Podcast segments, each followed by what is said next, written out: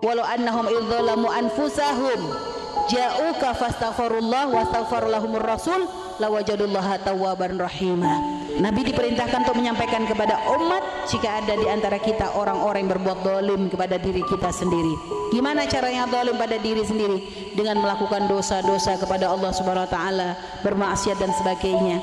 Tapi ternyata kok kita masih pengen datang jauhkah datang kepadamu kata Allah maksud mendatangi Rasulullah sallallahu alaihi wasallam untuk memintakan ampun kepada Allah Subhanahu wa taala lalu Allah mengampuni kita maka kita akan menemukan Allah itu Tawwabar Rahim Allah Maha memberikan taubat dan Maha kasih sayang kepada hamba-hambanya dan sekarang kita nggak ketemu langsung dengan Nabi tapi datangnya kita ke majlis ini adalah karena keinginan kita sambung dengan Rasulullah. Kita datang bawa dosa.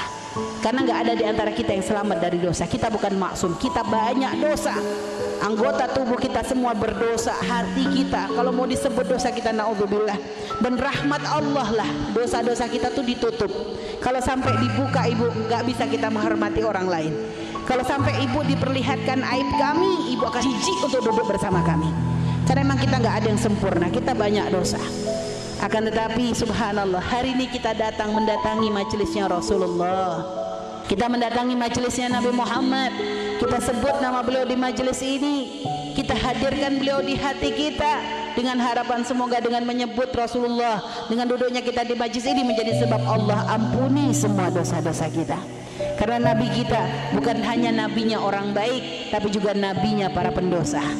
Nabi kita bukan nabinya orang kaya saja, bahkan nabinya para fakir miskin. Jadi nabi kita adalah milik kita semua. Maka siapa pun yang ingin menuju nabi jangan pernah merasa minder. Aku nggak bagus, aku nggak baik, aku belum benar.